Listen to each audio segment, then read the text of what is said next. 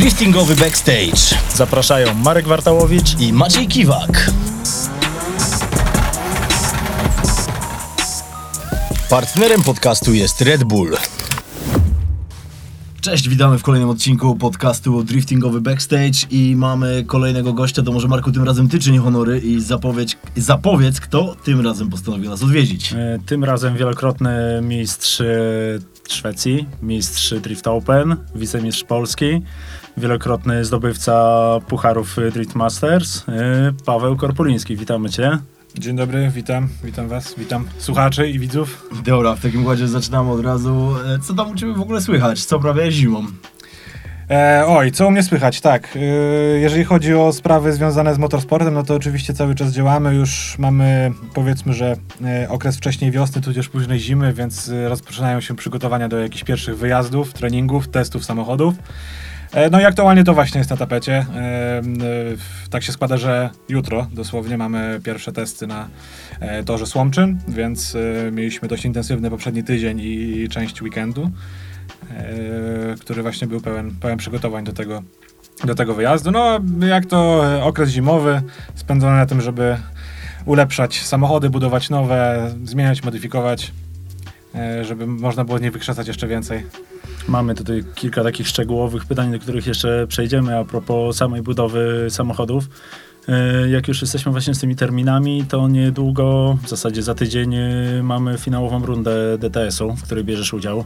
Jak tam nastawienie, jak tam, jak ogólnie odczucia po braniu udziału w tej całej serii, żeby to się wszystko przełożyło później na normalną jazdę, jak e, oceniasz, czy to w ogóle jest jakby na plus, czy na minus? Są zupełnie inne samochody, inne warunki, Tak. inne prędkości, ale no chyba jednak e, będzie to miało spore przełożenie, bo Oczywiście, oczywiście, je, że tak. jeździ się bliskie pary i tak dalej. Uważam, że jest to świetna forma treningu. E, tak jak mówisz, rzeczywiście samochody jeżdżą wolniej, jeździmy po, po mokrym torze, więc osiągamy dużo niższe prędkości, ale jakby sama, sama jazda, sam sposób jazdy i jej styl jest e, zbliżony do tego, jaki mamy na, na zawodach w dużo mocniejszych autach, na suchych i większych torach.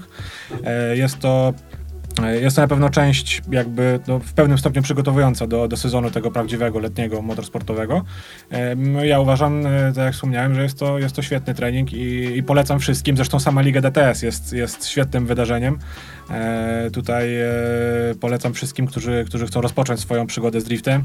E, to, to jest dobre miejsce na to, żeby, żeby tam właśnie zacząć. A ludziom, którzy już jeżdżą, biorą czynny udział w zawodach, czy już są drifterami, e, też oczywiście polecam, bo jest to no, forma treningu i można się tam dużo nauczyć e, i to jest jakby wiele korzyści z tym związanych, bo mamy tańsze samochody, których może nie jest tak bardzo szkoda nawet je porozbijać, czy, czy, czy nawet e, testując jakieś swoje limity, czy to właśnie e, bliskości w odległości w parach, tego proximity, tak, mamy mniejsze blokady, więc jest to no, bardzo dobry trening. Dużo, dużo można zyskać, dużo się nauczyć. I, e, także szczerze, szczerze polecam. Bo ominąłeś pierwszą rundę chyba, bo nie widziałem punktacji za nią, a Tak. cała reszta w zasadzie no, ma taką punktację, że gdyby nie ta pierwsza, to tam chyba w generalce byś był Liderem. liderem, w, albo na pewno w pierwszej trójce. E, Tak, było być może bardzo tak, blisko. być może tak. O, a czy ogólnie z tego, co doczytałem, to jedna Najgorszy runda i tak wynik się odpada. No tak, Właśnie tak nie się liczy. zastanawialiśmy, czy na pewno tak jest. o tym. E, No właśnie więc, tak i teraz jeszcze dobrze ci pójdzie, to chyba jest Na szansa. ostatniej rundzie słabo mi poszło, bo zdobyłem tylko 13 punktów, e, Okej. więc to, to nie był świetny wynik. Na pewno dużo gorszy od tych poprzednich rund, ale mm, no, na, na finał się wybieram, więc zobaczymy jak pójdzie. E, e, tutaj e, to rzeczywiście, nawet jeżeli są to samochody które są, no powiedzmy sobie szczerze, dość amatorsko przygotowane, to też już pojawiają się pewne aspekty, które, e, które jakby sprawiają, że każdy jakby chce, chce być coraz, e, coraz szybszy, coraz e, lepiej jeździć i, i też już wchodzą, e, no z racji tego, że jest to już rywalizacja, nie jest to jakby luźny trening, tylko są, e, jest to rozgrywane jakby w formacie zawodów, no to, to ludzie wiadomo, że próbują ulepszać swoje samochody, czy to lepszymi oponami, czy jakimiś lepszymi ustawieniami samochodu, czy e, ich e, jakimiś modyfikacjami ogólnie. E, No i to właśnie też e, nawiązując, poniekąd mnie zgubiło e, na, na tej ostatniej rundzie, na której zdobyłem mniej punktów, bo Przekombinowałeś coś? przekombinowałem, jeżeli chodzi o opony, ciśnienia i ustawienia i e, samochód, który, którym ja jeżdżę ma na tyle mało mocy, że sobie średnio radził i to, to było dla mnie jakby e, w, no, w pewnym stopniu przeszkoda i dlatego też e, kilkukrotnie no, popełniłem jakieś błędy, których wcześniej mi się nie zdarzało popełniać i, i też finalny wynik był gorszy. Więc e, no, nawet biorąc pod uwagę to, że jest to, tak jak mówię, dość amatorska e, liga, jeżeli chodzi o poziom przygotowania samochodów, no to, to ludzie dążą do tego, żeby było coraz szybciej, coraz lepiej i ulepszają te samochody, więc jest, jest to, e, widzę pewną analogię między zawodami na luzie na DTS-ie, a zawodami na, na żywo, no bo jednak wszyscy dbają o to, żeby było... Jest to rywalizacja. Tak No właśnie, Tak, tak, było e, szybko i- tak też kojarzę, fajnie. że jakby pierwsze sezony DTS-u to była taka jakby bardziej taka zabawa, totalna zabawa na luzie. Wynik będzie jaki będzie, ale generalnie bez napinki. A w tym momencie mam wrażenie, że w tym sezonie, jak jeszcze te nagrody wjechały takie, jakie wjechały, czyli za pierwsze miejsce samochód do wygrania w jednej, w jednej w zasadzie w drugiej klasie, to ci zawodnicy jakoś tak się widzę mocno spieli, są kombinacje, są opony, dociążenie aut i jakieś inne jeszcze zabiegi, żeby po prostu być szybszym, mimo że te samochody właśnie tak jak mówisz, są amatorsko przygotowane bez jakichś większych inwestycji, ale jednak te takie małe smaczki są porobione, żeby kurczę być trochę szybszym, no tak, nie? tak. No, to, to zawsze jest Z jednej tak, że strony właśnie spoko. szczegółami, szczegółami możemy znaleźć sobie jakąś przewagę. No i właśnie o to tu chodzi. To też, to też przygotowuje początkujących zawodników do tego, żeby później mieli jakąś taką wyrobioną bazę, że tak powiem, i, i możliwość startowania w, w zawodach, y, no nie wiem, czy to Bardziej serii Drift Open, czy, czy, czy DMP, tak, bardziej profesjonalnych. To ja pozwolę sobie teraz rangi. przerwać e, trochę, bo właśnie powiedziałeś fajną rzecz a propos tego, że polecasz zawody DTS e, dla osób początkujących, czy być może osób, które chcą zacząć swoją przygodę z driftem. Natomiast ja chciałem teraz historycznie nieco się cofnąć i zapytać, skąd u Ciebie wziął się drift i jak w ogóle wyglądały Twoje początki driftu, no bo jak wiemy, driftujesz od lat, o tym też będziemy mówili, ale jak to wszystko w ogóle się zaczęło? Zaczęło się od symulatorów komputerowych. To tam zaczynałem, będąc jeszcze no, dzieckiem, będąc nastolatkiem i to młodym nastolatkiem, miałem, nie wiem, 11-12 lat, nie, nie, nie, nie, pamiętam dokładnie e, w jakim byłem wieku. E, w każdym razie zacząłem jeździć w, w symulatorach na komputerze. Był to symulator, który się nazywał Live for Speed. E, Na tamte czasy najbardziej jakby profesjonalna i dostępna ogólnie platforma. I tam stawiałem moje pierwsze kroki, jeżeli chodzi o drifting. Oczywiście z czasem e, zacząłem jeździć na takiej bardziej e, już poważnej, profesjonalnej kierownicy, jak na tamte czasy oczywiście, e, która miała już 900 stopni obrotu i to pozwoliło mm, nabrać jakby dobrych nawyków, pozwoliło dać, no jakby mogłem się oswoić z tym, jak, jak kierownica się zachowuje, jak operować trzema pedałami, co samochód zrobi po jakimś naszym po jakimś danym jakby inpucie kierowcy, jak on się zachowa. E, Także takich podstaw uczyłem się właśnie w symulatorze. No i po kilku latach jakby spędzonych e, tylko na simie, e, wsiadając w pierwszy, powiedzmy, że w półprofesjonalnie, no nie, może półprofesjonalnie to za dużo powiedziane, no w trochę lepiej niż amatorsko przygotowany samochód, no praktycznie od razu potrafiłem nim jeździć w jakimś oczywiście stopniu. No nie, nie byłem od razu przygotowany do tego, żeby startować w zawodach, ale jakoś w miarę mi szło. Także jest to, ma to jakby...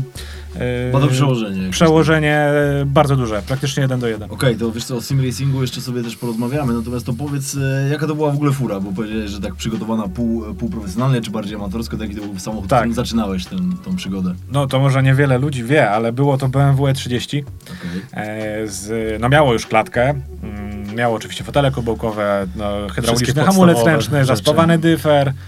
E, początkowo nie miało żadnego zestawu skrętu i tak, tak się uczyłem, jakby nie było to, nie, nie, nie, jakby do dzisiaj uważam, że nie jest to jakby must have na na, początku. początku, e, jakby totalnie można sobie radzić e, na seryjnym skręcie, jakby stawiać pierwsze kroki e, i miałem tam silnik, który zresztą bardzo lubię, uważam, że jest to jeden z lepszych silników jakby z tej serii, bo było to M54B30, czyli 3-litrowa rzędowa szóstka Czyli o mocy już 230 były Też zmiany. koni. bardzo lubię, też bardzo lubię. Tak. No jest to bardzo, bardzo fajny motor i, i e, uważam, że na początek jest, e, jest idealny, a nawet można i, i e, radzić sobie ze słabszym silnikiem typu, nie wiem, 2,5, tak, który będzie miał e, no trochę mniej, mniej mocy, ale też będzie w zupełności wystarczający. No ale M54B30 jest jakby zawsze w moim serduszku i ma specjalne miejsce. Słuchaj, ja, ja się pod tym podpisuję w 100%. Sam miałem parę M54B30 i bardzo miło wspominam te silniki. Dużo Nie, no miuta, to- duża moc. jak wiesz, nie zakręcisz za wysoko, nie urwiesz ośki z pompy oleju, to to jedzie i, i daje radę, nie? To tak naprawdę jak na pierwszy samochód, no to trochę tam modyfikacji było, że w zasadzie od razu w takie coś wsiadłeś, no to w sumie auto, którym tam można powalczyć było Tak, gdzieś. no, na tamte czasy tym bardziej. E, oczywiście ono z biegiem czasu było modyfikowane, bo to były lata 2014, 13-14 e, i właśnie chyba w 2014 roku też wjechał pierwszy zestaw skrętu, oczywiście z, ze spawanymi zwrotnicami i tak dalej, jak to na tamtych No na jeszcze wtedy tak się nie robiło. było dostępnych aut. Tak. Chociaż 14, 15 to już tak się coś pojawiało na rynku. Być może, no ale to jeszcze wtedy o tym nie myślałem, nawet nie wiedziałem jak to może być rozwiązane, więc y, Czyli pierwszy zestaw skrętu, wąs, tak, pojawił się wtedy, wtedy pojawiło się też e, o dziwo już wysokiej klasy zawieszenia, bo było to KW Competition, także Przewyższało to wartość generalnie całego tak, pier, pierwsze modyfikacje, które zostały poczynione już tak stricte pod drift, czyli właśnie zmiana skrętu, zawieszenia, e, znaczy oczywiście poprzednie też były pod drift, ale już takie pierwsze poważniejsze, zdecydowanie przewyższały koszt zakupu e, tego samochodu już razem z tymi modyfikacjami, które już miał w momencie jego kupowania. Ale 30 wystartowałeś w jakichś zawodach takich oficjalnych? Tak, tak, tak. Ale Jeździłem nie, nie w driftingowym. Pucharze Bałtyku. A, widzisz. Właśnie, to było w tamtych latach rzeczywiście. Przez dwa chyba albo trzy lata ten driftingowy puchar. Tak, Później tak. jakoś... I w 2014 odpuścili. roku, nie pamiętam, który to był mój start, ale było ich kilka, nie wiem, może trzeci czy czwarty. E, pamiętam, to też jest taki no, e, ważny moment jakby w tej mojej ścieżce driftingowej, bo e, pierwszy raz udało stanąć mi się na podium. Byłem, e, zająłem trzecie miejsce właśnie na, na, na, pucharze, e, na Pucharze Bałtyku, na torze w Koszalinie i to było, to był też dla mnie taki przełomowy moment, że Trzeba stwierdziłem, że, że tak, że trzeba iść w tym kierunku Ciśniemy. i że to jest, to jest to, co chcę robić i że jakoś mi to wychodzi. W ogóle też ciekawostką jest to, że e, na przykład moi rodzice, którzy ogólnie bardzo mnie wspierają i są moimi największymi fanami i towarzyszą mi w tej, tej przygodzie od początku, e, moja mama miała pewne wątpliwości co do tego, czy ja będę potrafił jeździć e, w drifcie. sposób. W związku z tym, że jeździłem dużo w domu na symulatorze, myślałem, że nie będzie miało to przełożenia Okej. na samochód na żywo. Ale totalnie zmieniło zdanie po moim pierwszym wyjeździe właśnie tą E30 na, na tor, gdzie też mieli okazję zobaczyć, jak, jak jeżdżę. No to nawet nie był tor, tylko to było zamknięte lotnisko. E, jak sobie radzę i też no, zmieniła zdanie i, i, i jakby e, troszkę uświadomiło ją to, jak, jak ile dał Że mi ten to- symulator. Że ma to sens jednak. I swoją Nie, no drogą, że, że ma to sens i że w tym kierunku e, e, jakby mój wybór, że, że chcę w to iść jest słuszny. Nie, no, te wszystkie wspomnienia na pewno wiesz, są e, bardzo fajnie, fajnie, że o tym mówisz. Natomiast jak już e, jesteśmy przy temacie BMW, to e, takie pytanie, które bardzo chcieliśmy zadać przed tym odcinkiem, szczególnie mnie to interes, interesowało, ale tak rozmawialiśmy sobie, wiesz, e, z Markiem, analizowaliśmy, o czym chcemy gadać. I jak oceniasz przesiadkę z BMW do Nissana? No Wiedziałem. właśnie, tylko czekaj, jeszcze zanim odpowiesz, to, to ja tylko jeszcze dodam coś od siebie, no bo to nie było tak, że jeździłeś e, BMW serii 1 i, i, i nie szło i generalnie, wiesz, męczyłeś się, bo był jakiś ważne. problem, tylko generalnie też stawałeś na podium i walczyłeś e, o najwyższe miejsca praktycznie na każdej imprezie, gdzie byłeś i jakby no nie wyglądało to, jakby tym autem jeździło się gorzej niż Nissanem, a jakie twoje są odczucia, no bo tu już trochę słyszeliśmy opinii, ale Tak. to, to powiedz od początku, jak to wyglądało, jak przesiadłeś się do innego auta. E, Spodziewałem się, że to pytanie zostanie mi zadane, także e, miałem nosa do tego. E, jakby na szybko podsumowując, oczywiście uważam, że BMW było świetnym samochodem. E, jest to bardzo dobra platforma. Oczywiście każda ma swoje plusy i minusy, ale mm, jakby całą ścieżkę, którą ja przebyłem z tym samochodem, było to wiele sezonów, bo jeździłem nim e, 6 albo 7 pełnych e, No lat sporo. sezonów, jakby tak, więc, więc, więc sporo. Ten samochód z, roku na rok był modyfikowany, ulepszany, e, w, pewien sposób też jakby personalizowany pode mnie, więc po tej no, długiej drodze, jakby nie patrzeć z jednym nadwoziem, przeze mnie przebytej, no, był już na takim poziomie, który mi odpowiadał w pełni, który pozwalał mi na, na nawiązanie walki z, e, no, z czołowymi zawodnikami, czy to e, w Polsce, czy w Skandynawii, czy, no, czy nawet w Europie, tak, no bo moje pierwsze podium Drift Masters zdobyłem BM-ku właśnie, więc, e, więc dało się. Także jest to, jest to świetna baza, jak najbardziej. Jeżeli chodzi o to, jak porównuję mm, Nissana S14 do, do jedynki, no to są dwa totalnie odmienne samochody. To są dwie, dwa różne nadwozia, które zachowują się totalnie inaczej. E, Jak miałbym to streścić, no to Nissan daje takie uczucie, że jest to auto stworzone do driftu. Tam nie ma, nie ma walki, nie ma jakby Trochę sam jedzie, jak to się, No, jak to no się mówi. tak czekałem na to. to, to jest zresztą hasło, które się często przewija, Marek, w naszym środowisku, że, że No, Nissany też same się jeżdżą. w podcaście też Tak, właśnie jak że Nissany same, same jeżdżą. W, w, myślę, że w pewnym wymiarze się to zgadza, bo e, ja mam pewną teorię na to, skąd jakby to hasło powstało, skąd się wzięło. Uważam, że e, S14 czy, to, czy S15 poskładane jakby z gotowymi rozwiązaniami, które są ogólnie dos- ogólnodostępne na rynku, czyli powiedzmy Weisswap przód, Weisswap tył, Winters lub nie, no bo to jakby ma mały wpływ na prowadzenie, ale no niech będzie. E, silnik e, najczęściej jest to JZ, który no, wpływa na dobre wyważenie tego nadwozia, jakby już jak wszystko jest skręcone do kupy, że tak powiem. E, I taki samochód, który jest złożony z gotowych klocków, wyjściowo od razu będzie dobrze się prowadził. Jeżeli oczywiście zastosujemy nawet taką defaultową geometrię, którą nam e, sugeruje Weisswap w swoich produktach, to ten samochód już jakby out of the box będzie, będzie, będzie w stanie e, dobrze jeździć. I myślę, że stąd właśnie się wzięło to, że Nissan, że Nissan sam jedzie. No i tak jak, jak już wspomniałem, w pewnym stopniu uważam, że, że tak jest, ale z drugiej strony też nie jest tak, że te auta same jeżdżą dosłownie, no bo no, No jednak właśnie. potrzeba łącznika, żeby, żeby operować tym wszystkim. Ale wyjściowo no, jest to świetny samochód i jedna z najlepszych baz do driftu, jakie, jakie są. I jakby na razie nie widzę substytutu e, Nissana. Zobaczymy, co jeden z waszych poprzednich gości, e, tutaj mówię o Piotrku Więcku, z, pokaże i zrobi z nową Suprą, bo być może to będzie jakiś e, pewnego rodzaju następca. E, ale no, ciężko jest mi znaleźć inny samochód, który byłby, byłby tak dobry, mm, e, jakby proporcjonalnie do nakładu pracy, jaki musimy w niego włożyć. No właśnie, no bo to jest auto, do którego w zasadzie z 90% podzespołów, żeby go zbudować, to kupujesz, y, montujesz, a nie, że musisz coś wytworzyć, wymyśleć. Tak, no przerobić. nie wymaga customowych rozwiązań po No prostu. właśnie. to, to jest, jest nadwozie, które jest no, bardzo długo już jakby na tej scenie driftingowej. Mamy do tego e, no, multum różnych rozwiązań. Możemy stosować e, szereg różnych e, dostępnych komponentów, które są jakby zawsze i, i są dostępne do ogółu, tak? Tutaj nie ma, nie ma rzeczy, które musimy wykonywać e, jakby ręcznie, czy, czy, czy robić coś na zamówienie. Oczywiście też można, tak? Jak ktoś sobie zażyczy, żeby auto było w pełni customowe na, nie wiem, customowym zawieszeniu, to, to też oczywiście można, ale, można ale po co wynajdywać koło na nowo? I Dokładnie. to też, to też jest poniekąd dywizja, której ja się trzymałem e, przy zmianie. No właśnie z- miałem się spytać, BMW czemu akurat właśnie. Nissan padł. Po tylu latach jazdy BM-ką potrzebowałem zmiany. Jakby z tą, No z tą myślą już długo. tam świeżości nazwijmy to coś takiego. Tak, czego, czegoś innego po prostu. Gdzie E, Nissan był w zasadzie dużo starszy niż BMW. Tak, nadwoziowo jest dużo starszy, oczywiście. No BMK akurat konkretnie to nadwozie, którym jeździłem, była z 2012 albo 2013 roku, no a Nissan jest z 98 czy 99. No. tak, tak, Także jest, jest znacznie starszy. E, ale no y, właśnie y, w nawiązaniu do tego, że jeździłem długo, długo BMK, potrzebowałem zmiany, a jakby kolejnym e, czynnikiem, który, który, który sprawił, że jestem na tak, jeżeli chodzi o samochody japońskie, e, no to samochody, które mieliśmy okazję budować dla, dla naszych klientów, które, które, które i- właśnie były na przykład S14, S15 i, i dobrze się jakby zachowywały, fajnie się nimi jeździło. Od razu po E, wyjechaniu z warsztatu. Tak, No jest praktycznie tak. Więc, więc to jakby tym bardziej utwierdziło mnie w przekonaniu, Że że, że, chciałbym zmienić i że jak miałem na, miałbym na coś zmieniać, no to niestety z niemieckiej motoryzacji przechodziłbym na tą japońską, która jest jakby bliższa samemu driftingowi i byłby to właśnie e, no prawdopodobnie Nissan, no i padło na Nissan.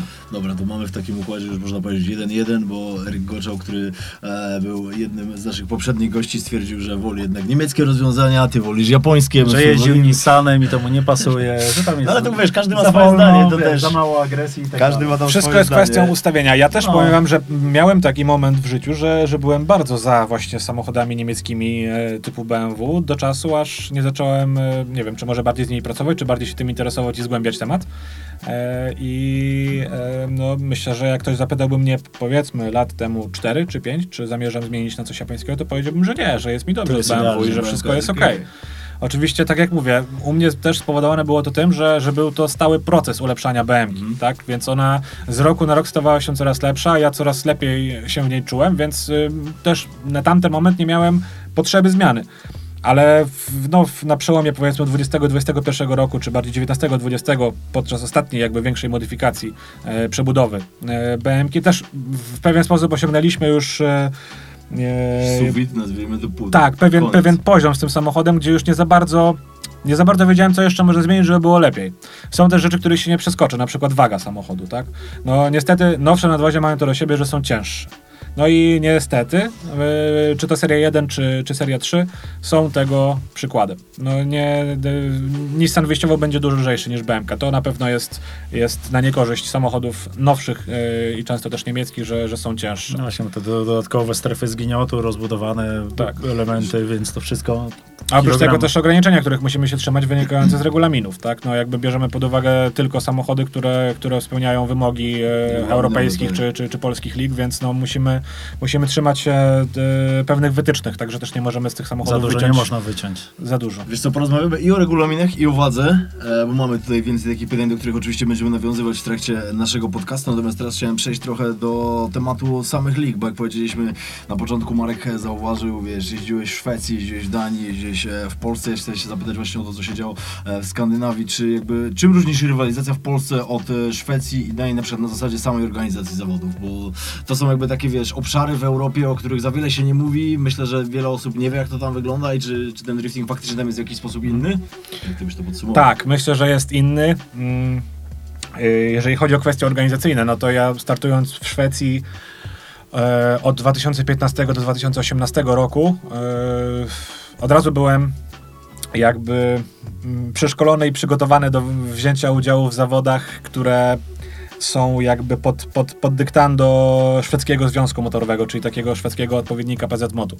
E, są tam na wszystko regulacje, są e, no, dużo bardziej skomplikowane procedury, których należy się trzymać. Czyli trudniej Czy to wystartować? Czy, czy... Trudniej no, przygotować samochód. Generalizując, myślę, że tak, Okej. że jest trudniej. Yy, przygotowanie samochodu to tak, to jest też jedna sprawa. Regulaminy są dużo bardziej złożone. Są rzeczy, yy, teraz jakby aktualnie przerabiamy yy, podobne rzeczy, czy to jeżeli chodzi o przygotowanie auta do Dismasters, czy do, czy do DMP, które, z którymi ja miałem już styczność właśnie powiedzmy Ile 5 lat czy 6 wcześniej. lat temu, tak? E, to, mm, z konkretnych na przykład e, przykładów to chociażby też zapewne rzecz, którą, e, którą ty Marek zauważyłeś, jak na przykład obudowa e, skrzyni biegów czy tam, e, czy, czy dzwonu, ogólnie do, dookoła części wirujących sprzęgła. No właśnie, nowe punkty w regulaminie Drift Masters, Tak. które w, DMP zresztą też. Co, żeby... w DMP też, a w Szwecji już były... a to- nie wyskoczyło, tak? Na tej No? Tak, żeby, tak. żeby chronić nogi w zasadzie kierowcy, Mhm. o to najbardziej chodzi, przy ewentualnym rozpadzie sprzęgła czy, czy, czy koła zamachowego. Okej. A to już E, mówisz, że w 15, 18 to Tak, już Tak, było w to, Szwecji to, normalne. To, tak, to już było na, na porządku dziennym i był to oczywiście wymóg regulaminowy, który trzeba było spełnić, tylko że tam było to e, w lekko inny sposób rozwiązane, ponieważ nie, nie było jakby e, zalecanej obudowy stalowej, czy, czy generalnie jakiejś stałej, że tak powiem, tylko dozwolone było użycie e, specjalnych mat, takich, które nazywaliśmy kuloodpornymi, w cudzysłowie, które, które okalały skrzynię biegów i dzwon dookoła. Były zapinane takimi paskami za, zaciskowymi i one mm, na tyle były wytrzymałe, że w przypadku sprzęgła, które miałoby się rozpaść, no to, to ten, ta, ten koc, ta mata właśnie zatrzymywałyby te zatrzymać. latające tak, części. Właśnie to- dla mnie to jest trochę taki dziwny punkt, bo tak naprawdę przypadków, które się w takie zdarzyły, no to są No, w zasadzie jakieś raczej- pojedyncze przypadki, no nie? takie. Wiesz A- co, ale myślę, że jak już się zdarzy, to może mieć to bardzo złe konsekwencje i dlatego jest to, jest to wzięte Tylko pod no uwagę. tak właśnie, no nie Chociaż wiem, był taki, był taki przykład, nie wiem czy pamiętasz, yy, wydaje mi się, że to był yy, Krzysiek Romanowski, któremu rozpadło się sprzęgło i przebiło właśnie Tunel. Yy, w sensie jedna z tarczy sprzęgłowych wybiła się w, w tunel. Z reguły, jak i tak jest, y, wiesz, nie, niedopuszczane, niedopuszczana modyfikacja ściany grodziowej, czyli z tym sprzęgłem i ze skrzynią i tak nie jesteś w stanie jakoś się bardzo cofnąć, to i tak rzadko w zasadzie, w którym y, nadwoziu to sprzęgło jest w linii nóg, tak naprawdę. Zgadza się. no chodzi mi o to, że sporo jest takich punktów tych regulaminowych, że są takie wymyślone, jakby no że rzeczywiście jak coś takiego się wydarzy, no to pomoże, ale jakby historia nie pamięta powiedzmy przypadków, żeby ktokolwiek ucierpiał. Dmuchać na zimne, jak to No, mówią. z jednej strony niby tak, z drugiej strony też uważam, jeśli chodzi o klatki typu NASCAR, y, które zostały wymyślone, to chyba No się wzięło w Stanach No, 2-3 do- lata temu. Do tego chciałem nawiązać właśnie. I ale ja to- uważam, że poza tym, że rzeczywiście jest wygodniej w środku, bo masz więcej miejsca, wygodniej się wsiada, to absolutnie nie ma nic wspólnego z bezpieczeństwem. Przecież w rallycrossie, dyscyplinie, która jest od wielu lat, samochody mają moim zdaniem jeszcze większy kontakt ze sobą, dużo większy niż w drifcie. Nikt tam nie wymyślił klatki typu NASCAR, tylko tam jest e, krzyż, który jest jakby klasycznym rozwiązaniem i, i to działa. No, akurat w Rallycrossie to że to jest związane z tym, że auta wywodzą się jednak z samochodów rajdowych i jest to podyktowane kwestiami homologacyjnymi, e, że, że jest tam dalej krzyż, ale e, faktycznie to jest, to, tak jak mówię, chciałem nawiązać do tego, no bo też chyba nie mieliśmy aż tylu wypadków w driftingu, gdzie samochód jeden w drugi uderzałby jakby centralnie w drzwi, na przykład, na przykład e, dążąc do jakiegoś uszczerbku na zdrowiu kierowcy, e, żeby, żeby właśnie wymagać klatek naskarowych. Jakby no nie pamiętam, przynajmniej nie wiem, chyba że moja wiedza tak daleko nie, Nie, no sięga. Żeby wydaje- były takie wypadki, żeby należało teraz nagle wprowadzić te boki naskarowe. Wydaje Chociaż ja mi- uważam, że generalnie jest to dobre rozwiązanie. Wydaje mi się, że. Tak. żeby taki jeden drugiemu wjechał prosto w drzwi, to chyba na, podczas zawodów to jest w ogóle nierealne, no bo to zawsze samochody masz w miarę blisko siebie, podobna prędkość i to raczej jakiś by musiał być Musieli skrajny, Destruction Derby skrajny przypadek nieogarnięcia przed kogo, przez kogoś Tak, albo jakiegoś zasłabnięcia, czy ktoś coś w stylu. drugą stronę musiał jechać też no, podczas No samego właśnie, zawodu, no. bardziej na jakimś różnym treningu jestem w stanie sobie wyobrazić Tak, ewentualnie właśnie w warunkach treningowych, gdzie na przykład ktoś jest dużo prąd, dymu, ktoś a, a, albo strzeli czy coś, ktoś niech z ktoś jakiegoś dziwnego powodu stanie na środku toru, a drugi samochód w niego wjedzie nie widząc No go. właśnie. No, to, to by może miało rację.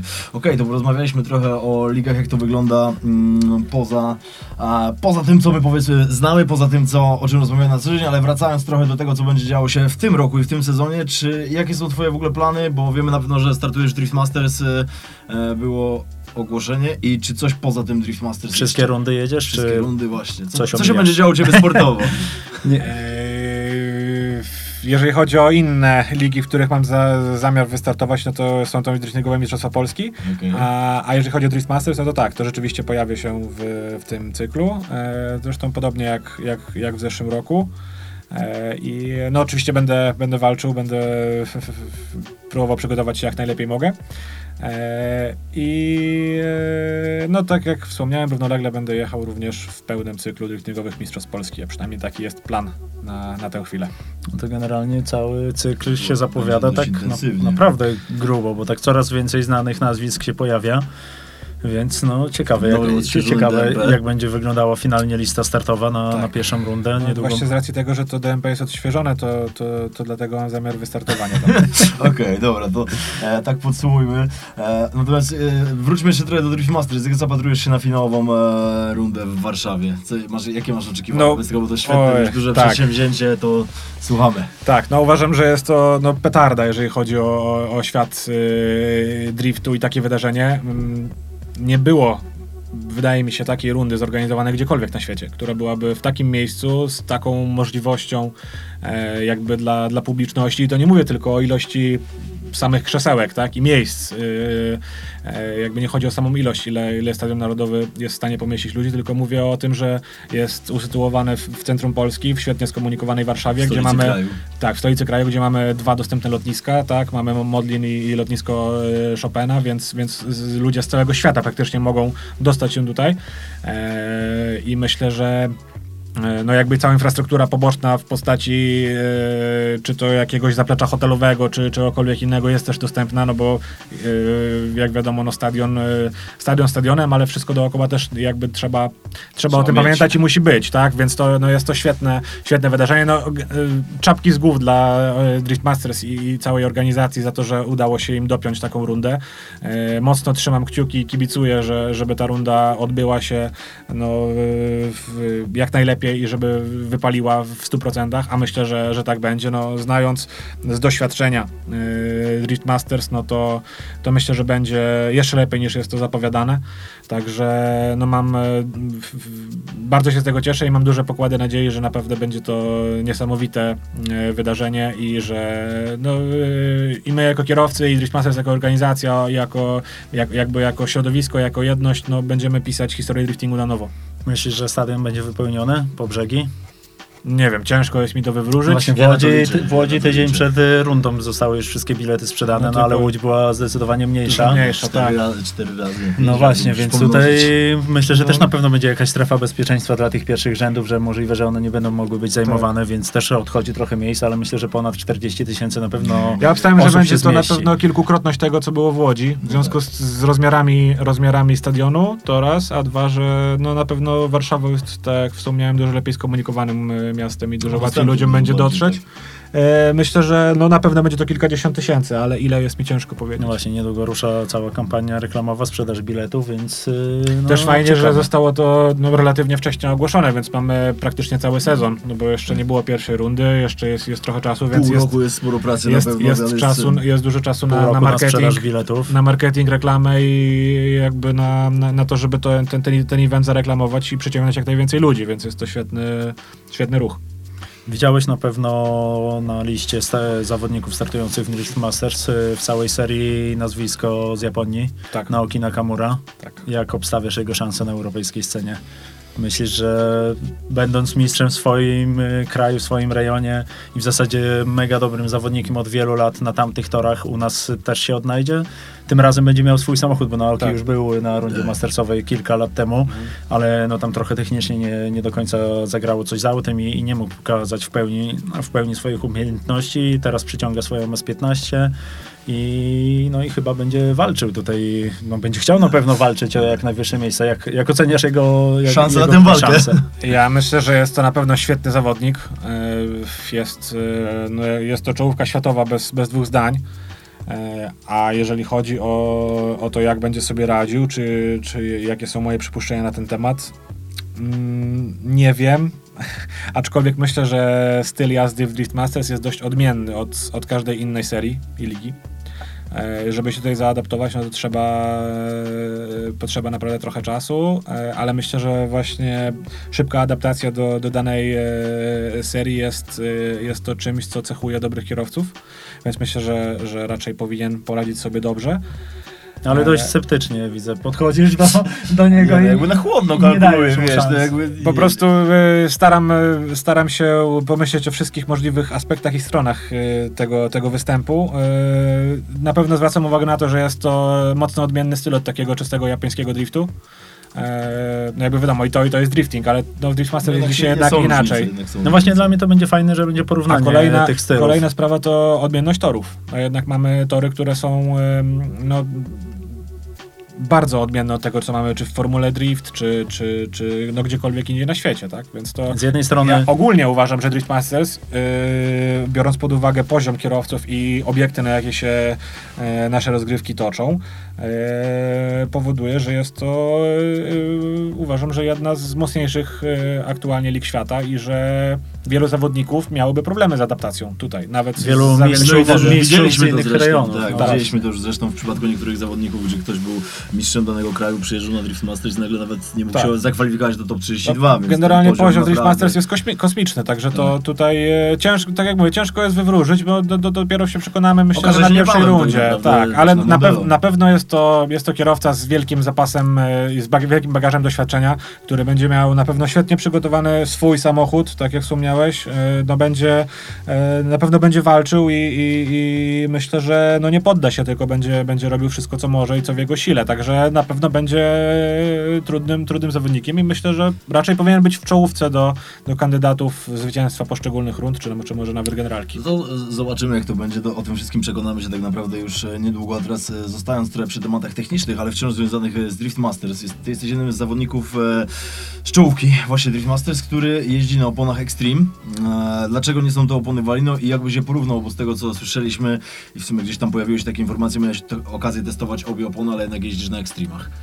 Tak, y, jeżdżę na Extremach, bo jest to produkt, który mm, dużo bardziej mi pasuje pod względem samej charakterystyki opony.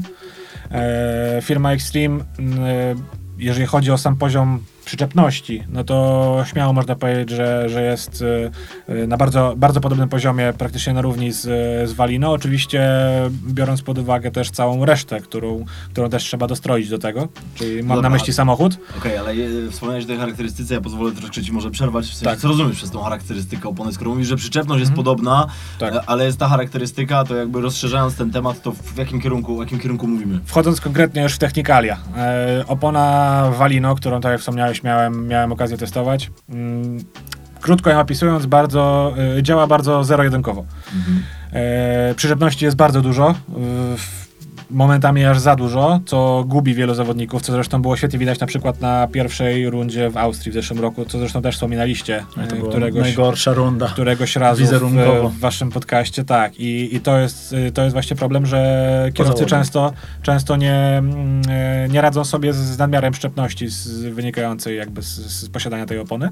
E, Xtreme z kolei jest oponą, która jest e, która jest e, no, bardziej przyjazna w mojej opinii dla kierowcy, czyli e, może nawet nie tyle, co wybacza więcej błędów, ale na pewno nie jest tak zero-jedynkowa jak Valino, czyli jest jakaś, jest jakaś możliwość e, ewentualnego uślizgu całego samochodu po odpuszczeniu gazu, a tej możliwości na Valino już nie ma. Czyli tam jak po prostu odpuszczasz gaz, od razu cię jakoś Jedziesz prosto, i cię- praktycznie tak, jedziesz praktycznie okej. prosto, więc to, no, żeby dobrze pojeździć e, i osiągać wyniki na, na oponie Valino, to jakby nie wystarczy po prostu tylko zamontować, znaleźć optymalne ciśnienie i pojechać. Y, Ja uważam, że, że tutaj, e, żeby pojechać dobrze na Valino należy dobrze to przepracować przede wszystkim, czyli dużo na niej jeździć, dużo na niej trenować i ustawić samochód pod te dane konkretne opony, bo są to no, y, w dużej mierze radykalne, radykalnie inne ustawienia niż na, na każdej innej oponie.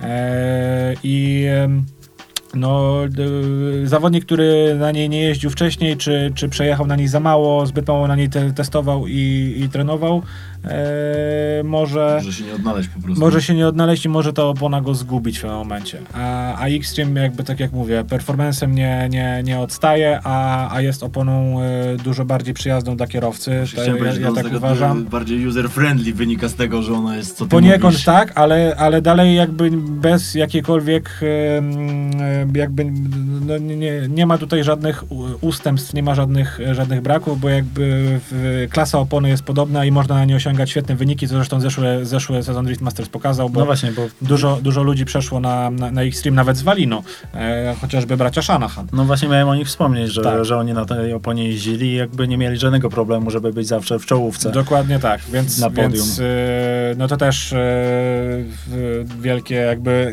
e, brawa i, i podziękowania należą się firmie Extreme, która, która zrobiła tak dobry produkt, który da, no, umożliwia nam, nam walkę na najwyższym poziomie.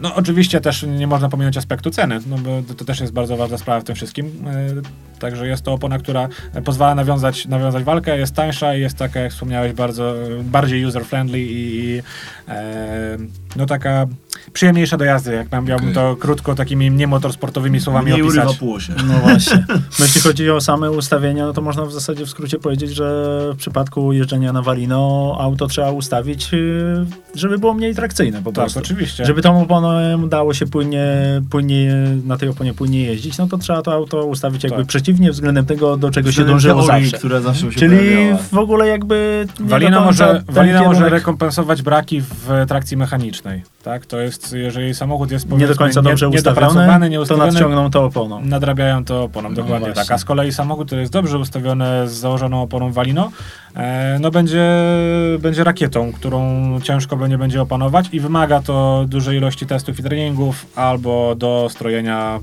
e, zawieszenia i ustawień samochodu tego, żeby, żeby chciało to ze sobą współgrać. Okej, to przynajmniej w sumie się wyjaśniło, wszystko można powiedzieć i mamy takie uzupełnienie e, też z poprzedniej rozmowy, natomiast zostając jeszcze przy kwestiach e, takich technicznych, pytanie w kontekście wagi samochodów, bo na razie mamy dwie opinie, a Piotrek e, Więcek powiedział... Nie, nam, to nie mów, nie mów, to wiesz, żeby to Paweł y, ze swojej strony A, tylko okej, wyszedł dobra, tutaj, żeby dobra, nie miał generalnie mamy dwie opinie, jest temat w takim układzie. Temat e, waga samochodów, czy warto obniżać, czy nie warto obniżać, warto schodzić z masą, nie warto. Znaczy schodzić do jakiegoś etapu na Etapu. pewno warto, no bo to Tak, jakby właśnie, jest y, logiczne. Zależy Ale- o jakim zakresie mówimy. No. Tak, ale czy warto już iść w takie jakieś turbo skrajności, szukać jakichś gramów w poszczególnych y, podzespołach, robić jakieś odwierty, z zamienniki na lżejsze podzespoły, żeby zgubić 10 czy 25 kilo? Czy to twoim zdaniem w ogóle ma sens? Do pewnego poziomu tak, No właśnie, do pewnego poziomu tak, a później już każdy kilogram kosztuje miliony monet, więc uważam, że nie jest, e, Okej. nie ma to przełożenia już na same, na same osiągi samochodu, aż takiego, jakiego można byłoby się spodziewać. no ale czy realnie uważasz, że samochód, który waży 1200 kilo będzie dużo, dużo miał jakąś przewagę nad autem, które będzie, nie wiem, 50 kilo lżejsze? Czy to jest, czy to są kilogramy, które będą decydujące, czy ten zawodnik pojedzie lepiej, czy gorzej, czy on właśnie później Może- gorzej wypaść, no bo nie, no ma trochę cięższe auto. Różnica może nie będzie tak zauważalna i tak diametralna między 1200 a 1250, ale na przykład między 1200 a 1400 już będzie znaczna No różnica. to, to tak. Tak, więc to, to jak najbardziej. E, no, też krąży taka opinia, co ja, którą ja czasami powtarzam, że e, masa wrogiem przyspieszenia, ale przyjacielem przyczepności. No właśnie. To, No tak, jest, to, to jest jest- ciekawe stwierdzenie, ale tutaj bardziej mówiąc to nawiązuje do tego, że bardzo ważnym aspektem w samochodzie driftingowym jest jego y, balans, rozłożenie masy. Jakby nie sama masa, a jej rozłożenie. Czyli mm, Żeby właśnie, było w odpowiednim miejscu. E, tak, czyli e, jakby rozwijając myśl, e, że masa przyjacielem przyczepności, no to mówimy w kontekście dociążenia tylnej osi na przykład, Mhm. tak? I, I umiejscowienia Tak, żeby e, największej ilości kilogramów nad, nad samą o, osią. Co miało miejsce na rundzie DTS-u. Wszystkie bagażniki wypchane, czym się da. A to był taki czas, ale No teraz to na pierwszej rundzie, bo później jest to już zos- zakazane. Nie Tak, no bo to już, wkładać? no bo to już było skrajnie niebezpieczne, jak tam fruwały sobie po prostu luźne elementy, byle tylko dociążyć. I Tak. rzeczywiście się później okazało, no, że ci zawodnicy no, mieli mega dużą przewagę nad, nad pozostałymi. Czyli przysłowiowy worek kartofli w bagażniku, jak ktoś kiedyś były Tak. do Poloneza, to też jakby znajduje swoje Tak, żeby ze śniegu wyjechać, to... no. Było, był, był, było takie przekonanie, w sensie tak ludzie robili, że mając jakieś starsze samochody tylnonapędowe, że wozili coś w bagażniku, żeby można było sobie lepiej zimą radzić, prawda? Tak, tak się Więc to się kiedyś robiło. jednak w takim układzie. Albo w maluchu dociążanie przodu, żeby skręcał lepiej. A, a, no tak, no tak, No tak, bo- się zgadza, bo tam silnik, silnik z tyłu, wszystko z tyłu. Z tyłu nie było problemu z tym No, także podsumowując, uważam, że, że redukcja masy samochodu do pewnego, znaczy ogólnie zawsze ma sens, e, ale... Popadanie w jakąś taką skrajność, że już liczenie gramów Tak, na uważam, kilogramów. uważam, że je, i oczywiście też warto, jest to fajne, e, jak najbardziej i na Możesz- pewno wpływa na performance samochodu, że staje się lepszy, ale uważam, że daje niewymiarne efekty porównując do nakładu budżetowego, jaki, jaki No dobra, trzeba na to idąc spożytkować. Załóżmy, że nie mamy wiesz, ograniczenia, jeszcze tak zamykając ten temat, załóżmy, że nie mamy ograniczenia e, tak w sensie takiej limitu dolnej masy samochodu i oczywiście ja też się z tym zgodzę, że między 1200 a 1400 będzie przepaść, ale idąc w drugą stronę, między 1200 a 1000 kg przy tej samej mocy, jak ty byś się do Czy to jest ta sama przepaść między Właśnie. 1200 a 1400? Czy to już będzie ci przeszkadzać po prostu, wiesz? Myślę, że, że taki samochód na pewno będzie, będzie szybszy, będzie generalnie lepszy. Ale E, nigdy sam nie pojedzie. Nigdy sam nie pojedzie, to tak, a też z drugiej strony, no z jakiegoś powodu zostały wprowadzone ograniczenia szerokości opon zależne od masy, na przykład w Formule Drift. No tak, tak? to więc Formula e, Drift ma takie coś. nie, no, no, bardzo pokazuje to to, że, że jednak ta zależność jakaś jest i że od pewnego momentu schodząc z masą w dół należy to ograniczyć. Także na pewno jest w tym sens. Tylko no, pytanie dalej, czy jest to, czy te mm, efekty ze schodzeniem z wagą są na tyle wymierne, żeby było warto w nie inwestować. No Okej. właśnie, bo to zawsze na taki przykład y, daje Jacka Shanahana, który jakby ma GT86, który w zasadzie nie ma tam jakichś tam fajerwerek i, i, i elementów jakichś turbo odciążonych i, i w ogóle jakichś technologii dziwnych, tylko to jest w zasadzie zwykłe GT86 zbudowane według, tak jak gadaliśmy na początku, schematu takiego Nissana, czyli kupujesz gotowe zestawy, montujesz, y, to wszystko jest odpowiednio poustawiane. Sam Jack waży, myślę, że dobrze ponad stówkę, więc y, też jest duże dociążenie, no ale generalnie wsiada do tego samochodu i jest po I prostu... robi super robotę. Robi, robi taką robotę, że tam jest zawsze podium, Tak. zawsze jest kwalifikacji podium i jakby nie ma wątpliwości i jakby patrzysz na to i się zastanawiasz, kurde, no chyba ta masa do końca nie ma aż takiego znaczenia.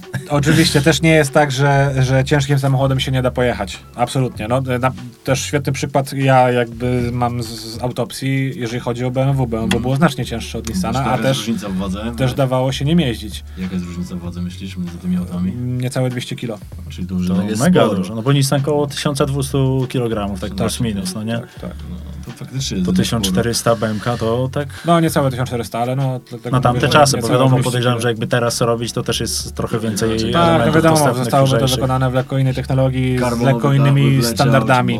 i tak dalej. Dokładnie. Dobra, ale wiesz co, e, kończąc te tematy techniczne, do których pewnie jeszcze uda nam się wrócić w tej rozmowie, tematy e, wizualne, bo aspekt wizualny w drifcie to jest e, jeden z w sumie też tematów e, przewodnich jednego z naszych kolejnych odcinków podcastu.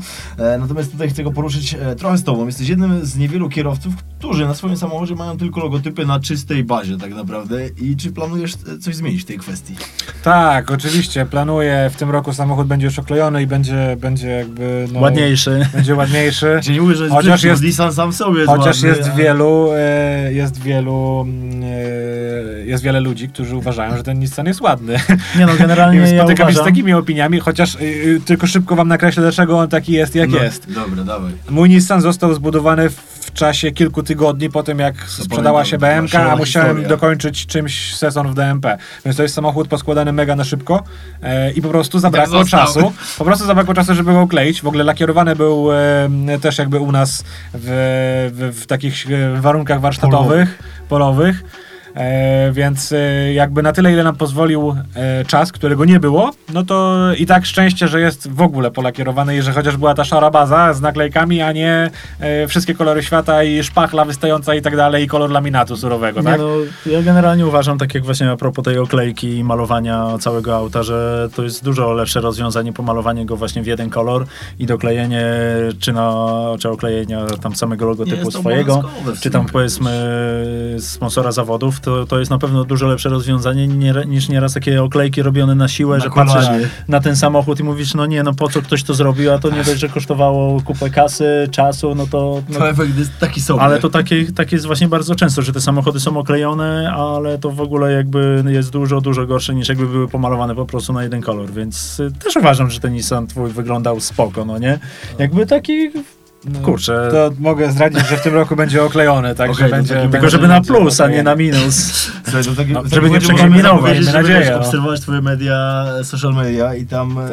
e, pe pewnie się podzielisz tą, tą zmianą. E, czyli to rozumiem, że już niedługo, no biorąc pod uwagę fakt, Tak, że tak, sezon, tak. sezon za rogiem, Zgadza to się. już się Projekt, jest już gotowy, tylko no, potrzebujemy jeszcze trochę czasu, żeby ten samochód przygotować, powymieniać trochę rzeczy od, od zeszłego sezonu, no i finalnie go okleić. Ale Czyli, czyli, czyli dwa dni przed zawodami No zaczniecie. Jak, no, jak, jak po zeszłym sezonie, to z- zawsze tak jest. Szybka akcja. Ile tego czasu by nie było, zawsze jest go za mało, mimo że jakby... To niestety mamy e, różne inne priorytety, także mój samochód jest No no właśnie, to ostatni w kolejce. A no to tak jak zawsze jest ze swoimi. A w Tak. kolejce dużo, dużo aut w tym roku, w sezonie do przygotowania, do serwisowania, do wyjazdów na zawody. Ile aut będziesz, będziecie mieli pod swoją opieką? E, No, plan jakby finalny jeszcze nie jest mi znany, ponieważ ustalenia dalej trwają. E, jeżeli chodzi o starty, w, znaczy w sensie pracę i obsługę w, na zawodach e, serii Mistrzostw Polski, no to na pewno na tę chwilę mamy pewnych dwóch klientów, którymi, których samochodami będziemy się zajmować. A jeżeli chodzi o, o Drift Masters, to, to jeszcze nie wiem i nie mogę, nie mogę zdradzić, bo e, jeszcze ten plan jakby nie jest zapięty na ostatni guzik. No ale będzie się działo jednym słowem, to w takim układzie, wiesz, zostając e, trochę przy temacie mm, takim, o którym też za wiele się nie mówi, a też związanym jakby z całą e, otoczką i całym, wiesz, przygotowaniem zawodów. E, chciałem nawiązać do tego, że wiesz, kibice widzą zawodnika na zawodach tak naprawdę podczas przejazdów i z perspektywy widza może to się wydawać, że zawody trwają maksymalnie dwa dni, w aucie, wiesz, siedzicie powiedzmy nie mega mało, relatywnie mało, ale tak naprawdę zawody dla niektórych osób mogą trwać nawet e, dwa tygodnie i chciałem porozmawiać trochę o tych przygotowaniach i tej całej logistyce, jak to wygląda u Ciebie, no bo z jednej strony wiesz, są gdzieś właśnie klienci, są inne osoby, ale też mówię jakby o, o Tobie i o tym całym zapleczu, którego właśnie się nie widzi. nie widzi. Tak, no faktycznie jest tak, jak wspomniałeś, że czasami zawody, które są daleko w, innych krajach, e, jakby w dużym dystansie z, naszego punktu e, wyjazdowego, którym jest e, okolica Warszawy, mogą rzeczywiście trwać na przykład dwa tygodnie i takie, na takich zawodach też bywaliśmy. No polega to wszystko na tym, że no wiadomo, jakby sam czas dojazdu na zawody czasami jest yy, tak długi jak 2 czy 3 dni, czy nawet, nawet, nawet więcej. Yy, często mamy po drodze na zawody jakieś przeprawy promowe, które też zajmują czas. Czasami jest tak, że, że te promy nie pływają codziennie, tylko co ileś dni, tak na przykład prom do Irlandii, e, na, na, która, która często się e, jakby no jest to destynacja, do której się, się, się jeździ w związku z tym, że Drift Master jest tam organizowany. E, no i te wyjazdy przez to się przedłużają. Eee, to jest jedna sprawa, pierwszy aspekt. Drugi aspekt jest taki, że rzeczywiście kibice, czy ludzie, którzy, którzy bywają na zawodach, ale są jakby na samym evencie, no nie widzą całego szeregu i całego procesu przygotowań, który należy wykonać jeszcze przed samym wyjazdem. No oczywiście trzeba przygotować samochody. Eee, trzeba zaopatrzyć się wszystkie niezbędne czy to części zapasowe, czy wyposażenie stricte warsztatowe, jak, jak, y, jakieś płyny, e, podstawowe rzeczy takie, jakie, mm, jakie musimy mieć na, w naszym serwisie, nie wiem, czy to do, do czyszczenia samochodu, czy e, trzeba pamiętać i na bieżąco uzupełniać jakieś stany magazynowe, jeżeli chodzi o narzędzia. No wszystko to musi być przygotowane i zapięte na ostatni guzik. Następnie trzeba to wszystko spakować. E, trzeba to logistycznie rozgrywać, żeby wszystko nam się zmieściło, no bo zabrać e, cały warsztat ze sobą, no możliwości takiej nie mamy, więc musimy... Chociażbyś chciał. Tak, chociażbym chciał. Więc musimy to wszystko e, jakoś ro, rozgraniczać. Jest to, jest to też e, sztuka kompromisów, jak to, jak to w życiu bywa. E, także mamy e, no mamy cały taki, e, taki proces i bardzo dużo pracy.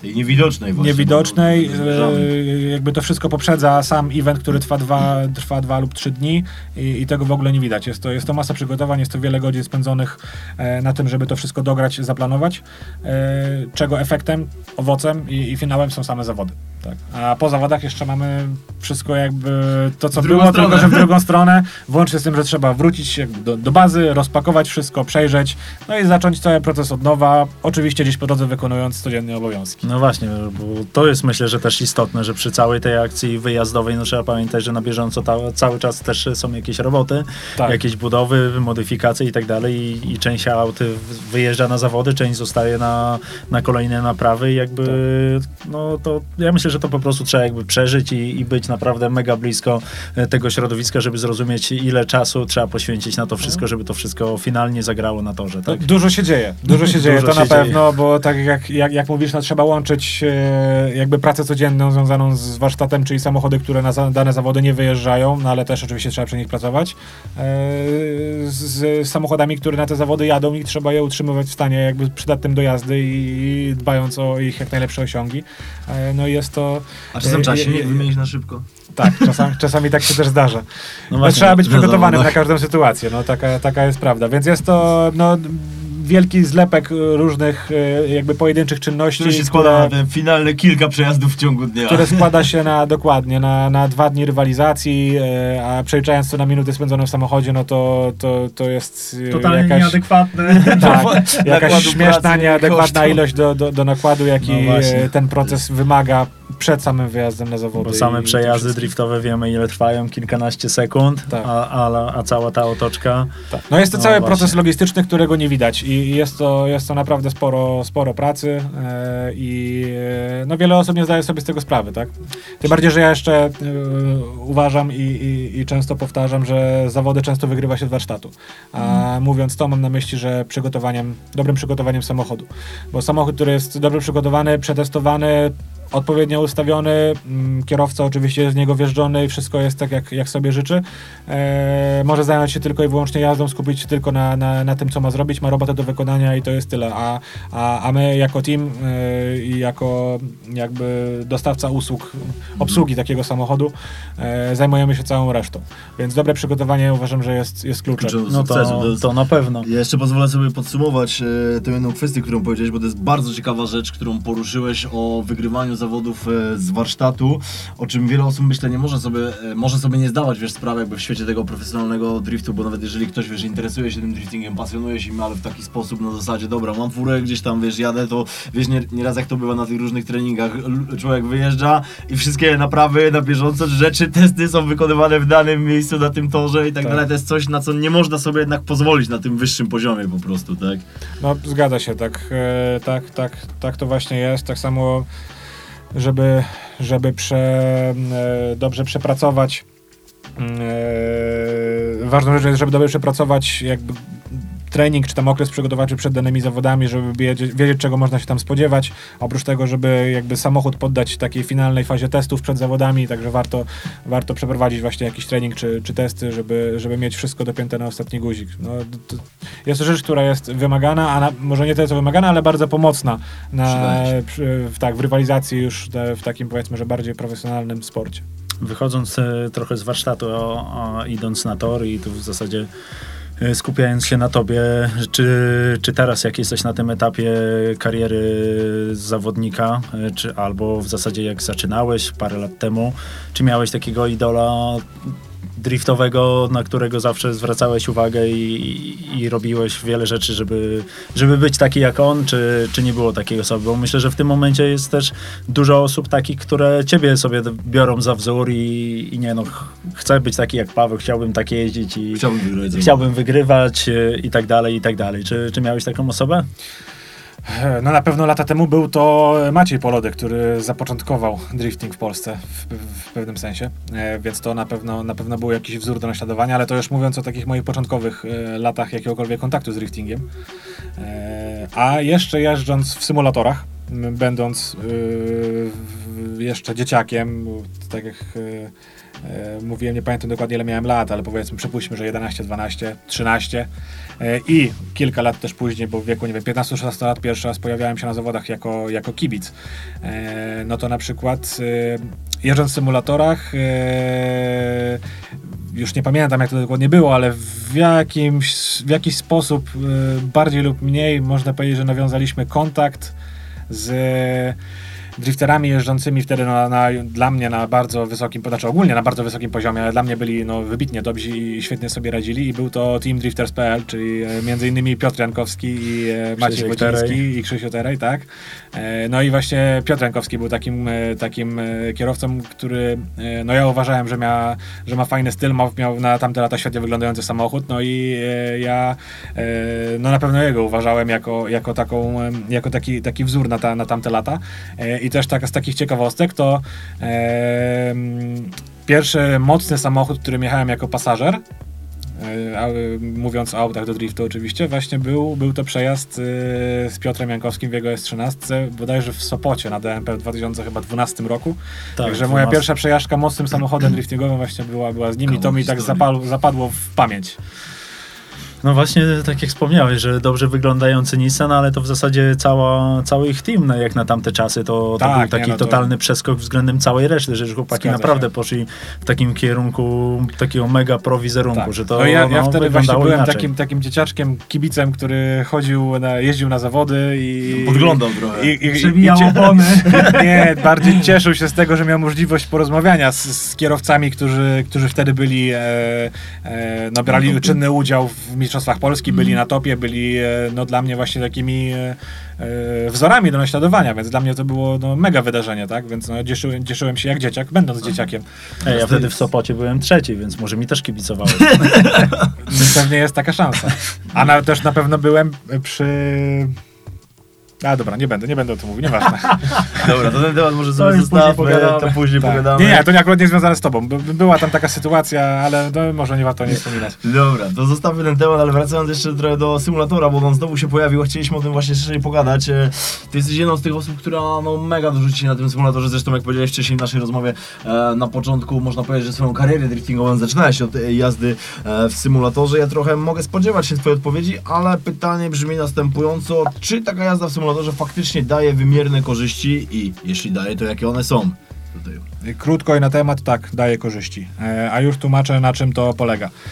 E, podstawową różnicą, która przysparza najwięcej problemów kierowcom, którzy jeżdżą już na żywo, a chcieliby spróbować w symulatorze i im to wybitnie nie idzie, jest to, że jeżdżąc w symulatorze, no, używamy mniejszej ilości zmysłów. Nie mamy mm, e, nie czujemy tych sił na sobie, nie czujemy przyspieszenia, nie czujemy poślizgu, który w samochodach na żywo e, prawdziwych jakby wyczuwamy, nie czujemy przeciążeń. I to jest podstawowa różnica. Jakby, jeżeli chodzi o sam aspekt prowadzenia samochodu, tego jak samochód się zachowuje po naszych jakichś ruchach, które wykonujemy, czy to kierownicą, czy jak operujemy pedałami, czy jak używamy hamulca ręcznego, to wszystko ma e, jakby bardzo dobre przełożenie na to, co dzieje się na żywo. E, Symulator jest w stanie e, wyrobić w młodych adeptach jakby kierowców wyścigowych, czy driftingowych, czy jakichkolwiek, nie wiem, rajdowych, dobre nawyki. Możemy nauczyć się tego, jak samochód reaguje na pewne, pewne rzeczy i na, na, na input kierowcy. Jest w stanie nas e, przygotować e, do tego na tyle, że wsiadając później do normalnego samochodu wiemy czego się spodziewać, wiemy jak on, e, jak zareaguje, jak się zachowa. No i w pewnym stopniu wyprzedzamy jakby proces nauki jazdy samochodem prawdziwym e, no, znacznie, tak? I przy okazji z zupełnie innym kosztem. I, I też zupełnie innym kosztem, oczywiście, że tak. Więc tutaj jakby pomijamy naukę podstaw w prawdziwym samochodzie. Mamy do tego dużo lepsze narzędzie, którym jest właśnie symulator. Możemy zrobić to e, dużo mniejszym nakładem kosztów, poświęcając na to więcej czasu, też jesteśmy w stanie się na to lepiej przygotować. E, I, e, i ma to bardzo duże przełożenie. Już mówiąc o samym driftingu, e, to e, chociażby aspekt tego, że jesteśmy w stanie E, oczywiście idąc już krok dalej w, w wirtualnym drifcie, jeżdżąc e, chociażby w parach, jesteśmy w stanie nauczyć się tego kontaktu i obycia z drugim samochodem. E, wiemy już takie bardziej konkretne rzeczy, jak na przykład e, powiedzmy, co wydarzy się, gdy opóźnimy jedną przekładkę, co się wydarzy, jak zrobimy ją za wcześnie, jak nam wyjdzie, gdzie znajdziemy się na torze, jak zrobimy ją e, w tym samym czasie, e, symulując przekładkę i czas przekładki samochodu poprzedzającego, więc są, czy chociażby sama, e, samo proximity, dystans na przekładkach. Jesteśmy w stanie sobie to świetnie wyrobić i wytrenować na symulatorze. Świetnym przykładem na, na, na jakby przydatność symulatora ogólnie w rozwoju e, kariery driftingowej e, kierowców jest, jest to, że e, znam przypadki, gdzie, gdzie kierowcy jeżdżący, już biorący czynny udział w, w zawodach driftingowych, na przykład nie potrafili korzystać z lewej nogi. e, No to mnie do też hamowania lewą nogą. e, dziwiło nieraz, Ja bardzo lubię. bo rzeczywiście taka historia A nieraz miała przykład, miejsce. a na przykład symulator jest świetnym e, sposobem na to, żeby, to, żeby tego się nauczyć i można trenować no, praktycznie w Non-stop. nieograniczonej ilości, non-stop, e, zerowym kosztem i, i to ma stuprocentowe przełożenie na to, jak będziemy jeździć w realu, na żywo, tak? Bo Mhm. ten e, hamowanie lewą nogą w symulatorze działa no, identycznie, jak działa na żywo. Tak, możesz Wiemy, kiedy możemy- tego, Wiemy, kiedy możemy tego hamulca użyć, w jaki sposób go użyć, do czego jest nam przydatny i, i kiedy możemy zbudować sobie jakąś przewagę w związku z używaniem tej lewej nogi, tak? Tam Więc ma to duże bardzo duże przełożenie. I ja też y, szczerze polecam symulatory yy, i dla osób, które chcą rozpocząć przygodę z driftem i dla osób, które nawet już rozpoczęły przygodę z driftem, nie wiem, na przykład jeżdżą gruzami, autami, które wcześniej wspominaliśmy bardziej amatorsko przygotowanymi, yy, ale chcą na przykład poprawić po prostu swój styl jazdy czy swoje umiejętności.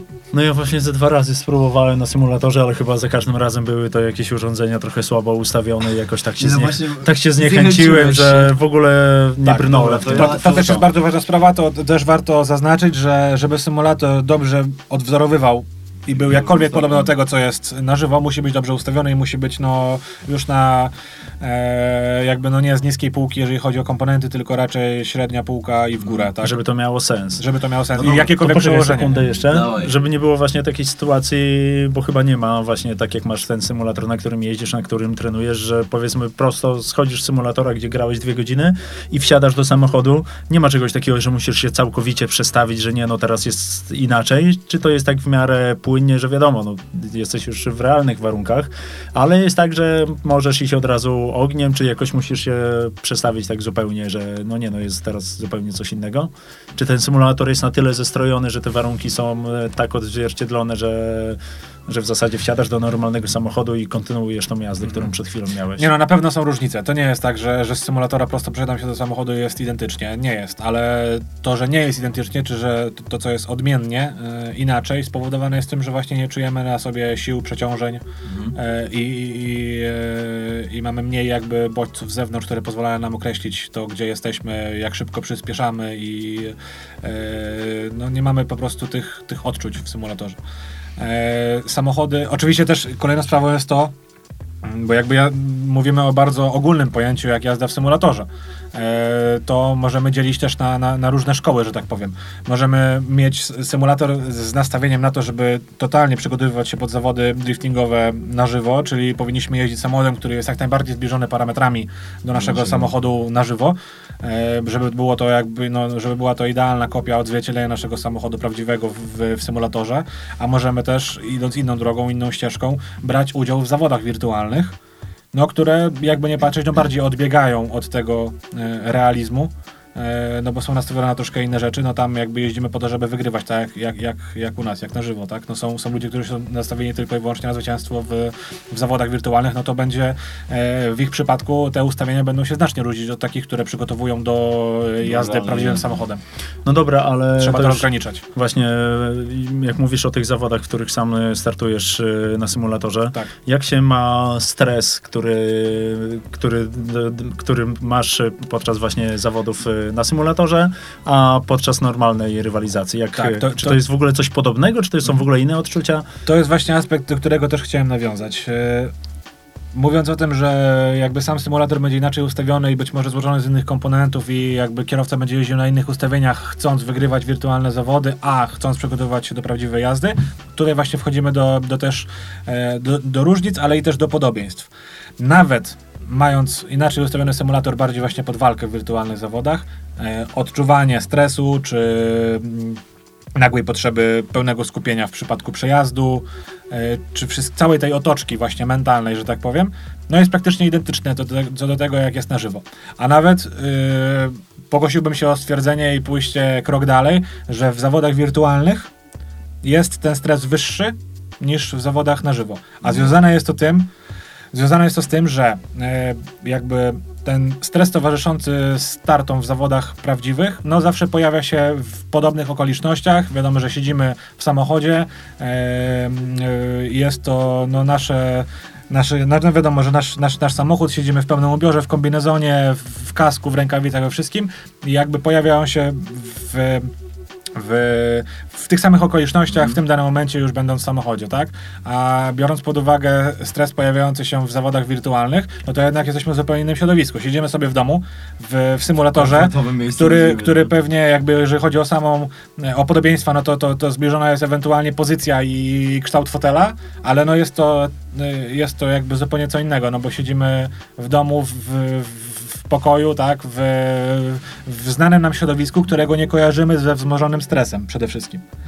Więc e, te właśnie bodźce zewnętrzne oddziałują w taki sposób, że możemy stresować się jeszcze bardziej niż na żywo. Tam jesteśmy przyzwyczajeni do tego, że jak siedzimy w samochodzie i jest już jakby godzina zawodów, no to Wiadomo, co to się będzie działo. wiadomo, wiemy, czego się spodziewać, że będzie, że będzie ten stres. Stresu jakby nigdy się nie pozbędziemy, tylko należy e, jakoś, tym, jakoś, jakoś z nim walczyć i no może nie tyle walczyć, to właśnie pracować. E, I, i są, to, są oczywiście tego stresu różne rodzaje.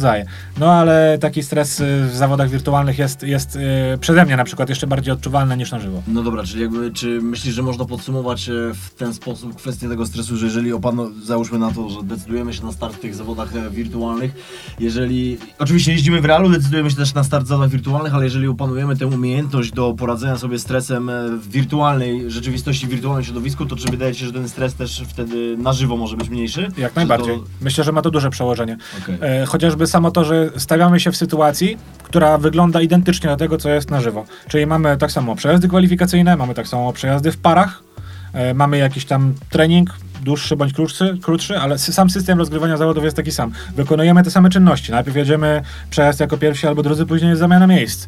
E, tym samym systemem są rozgrywane e, pary, tak? Wiadomo, że jest to system pucharowy, czyli eliminacyjny. No jeden z pary nie przechodzi. No tak. Więc y, cały format rozgrywania tego jest taki sam. Więc tutaj mamy przełożenie 1 do 1.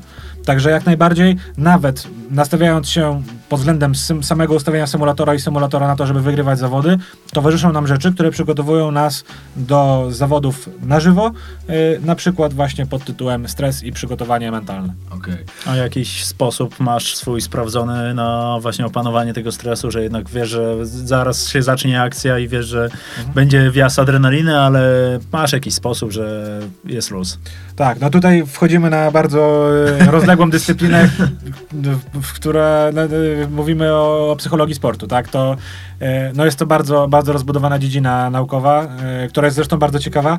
No ja w pewien sposób w, w, w jakimś wymiarze miałem okazję zgłębić wiedzę na ten temat, e, ponieważ pracowałem i pracuję z psychologiem sportowym Mhm. e, który to właśnie na, no to oczywiście jest proces, to nie jest tak, że ja to już potrafię, ale który, który właśnie uczy e, jakby, jakby to ładnie powiedzieć, przekształcenia tego stresu, który ci towarzyszy, w coś pozytywnego, w pozytywne działanie. E, przede wszystkim jest to jakby skonstruowanie takiej mm, postawy przedstartowej, czyli w- jakby można wymyślić sobie, zakładasz sobie jakiś bodziec albo, albo e, jakiś, e, jakąś czynność, która pozwoli cię wprowadzić w taki stan pełnego skupienia i że ten stres idzie na bok i jakby to taki typowy race mode, że teraz jest, jest tylko ogień, mam robotę do wykonania, tylko muszę to zrobić. I to jest, to jest właśnie coś, co jest bardzo ważne, żeby, żeby w, taki, w taki stan, gdzie jakby nic, e, nic nas dookoła nie obchodzi, czy nam, nie wiem, koła poodpadają, czy, czy, czy nagle będzie jakaś plama oleju, po której jakoś się prześlizgniemy, ale nie wpłynie na naszą jazdę.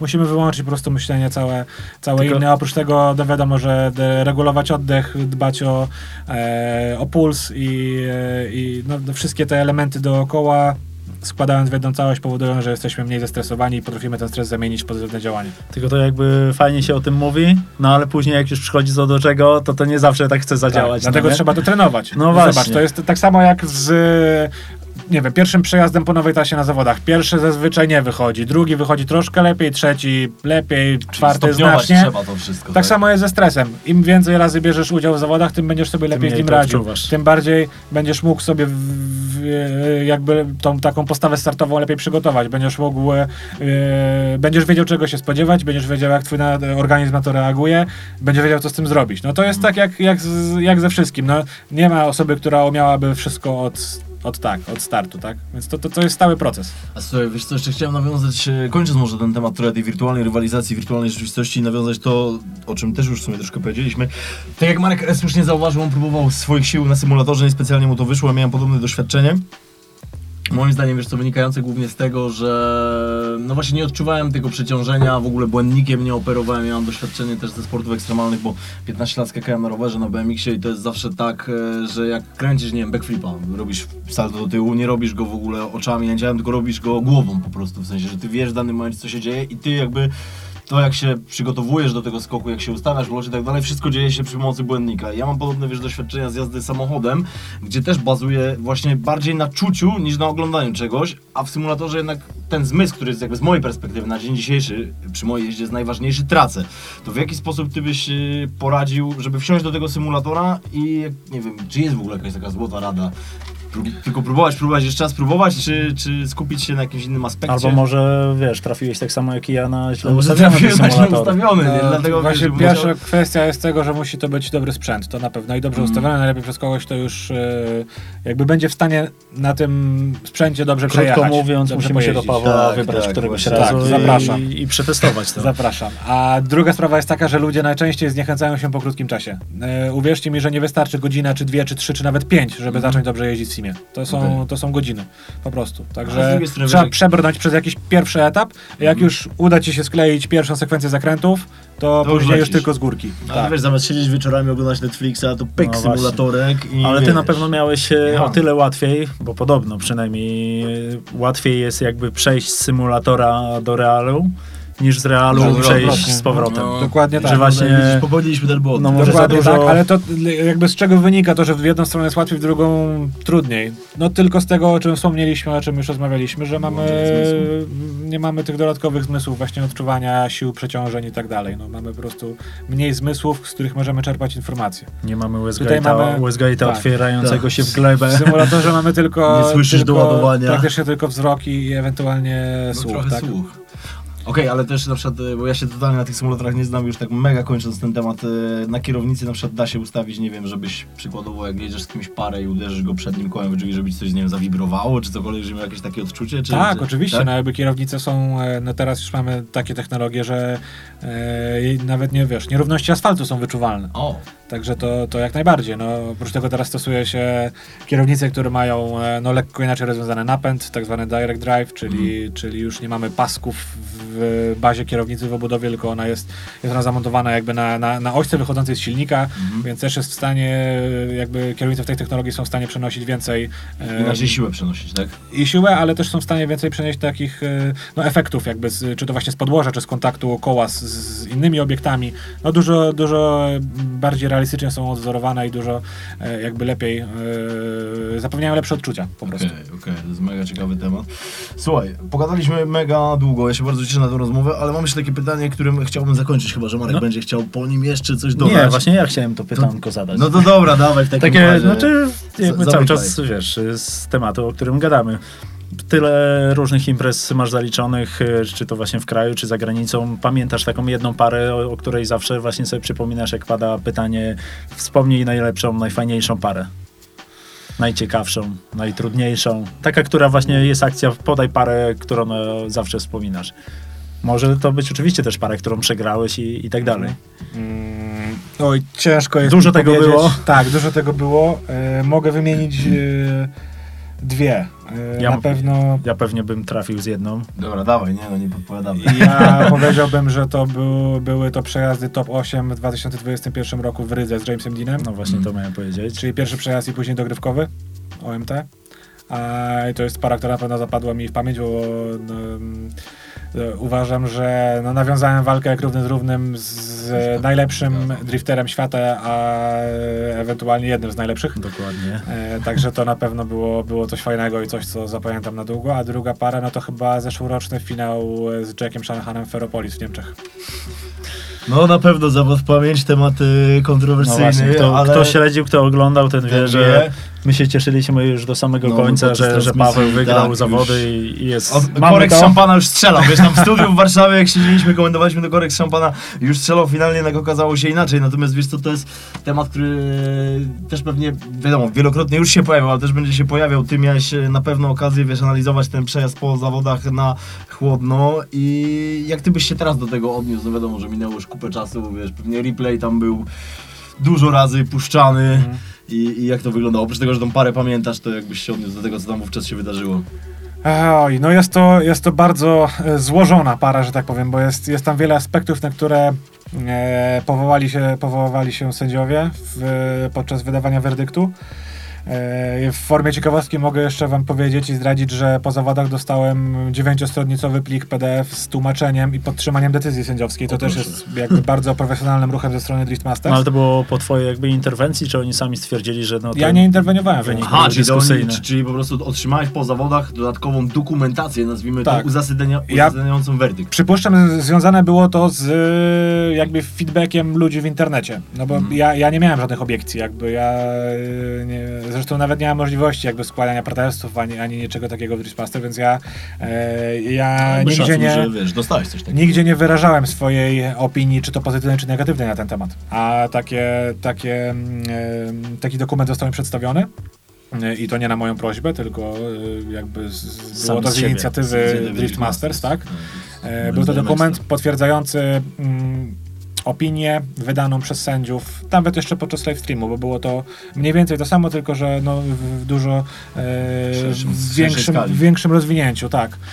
E, jeżeli ja miałbym to ocenić, to uważam, że aspekty, na które sędziowie się powoływali, były prawdziwe, ale zostały dość mocno uwypuklone. Tak, Okej. bym, tak bym to ujął. Ponieważ rzeczywiście można odnieść takie wrażenie, że ja to, co zostało mi zarzucone przede wszystkim, czyli e, próba ucieczki na, na lidzie, zmniejszanie konta, pomijanie zon, e, rzeczywiście może w jakimś stopniu faktycznie tak pojechałem, ale nie aż na tyle, żeby to zaważyło o mojej przegranej.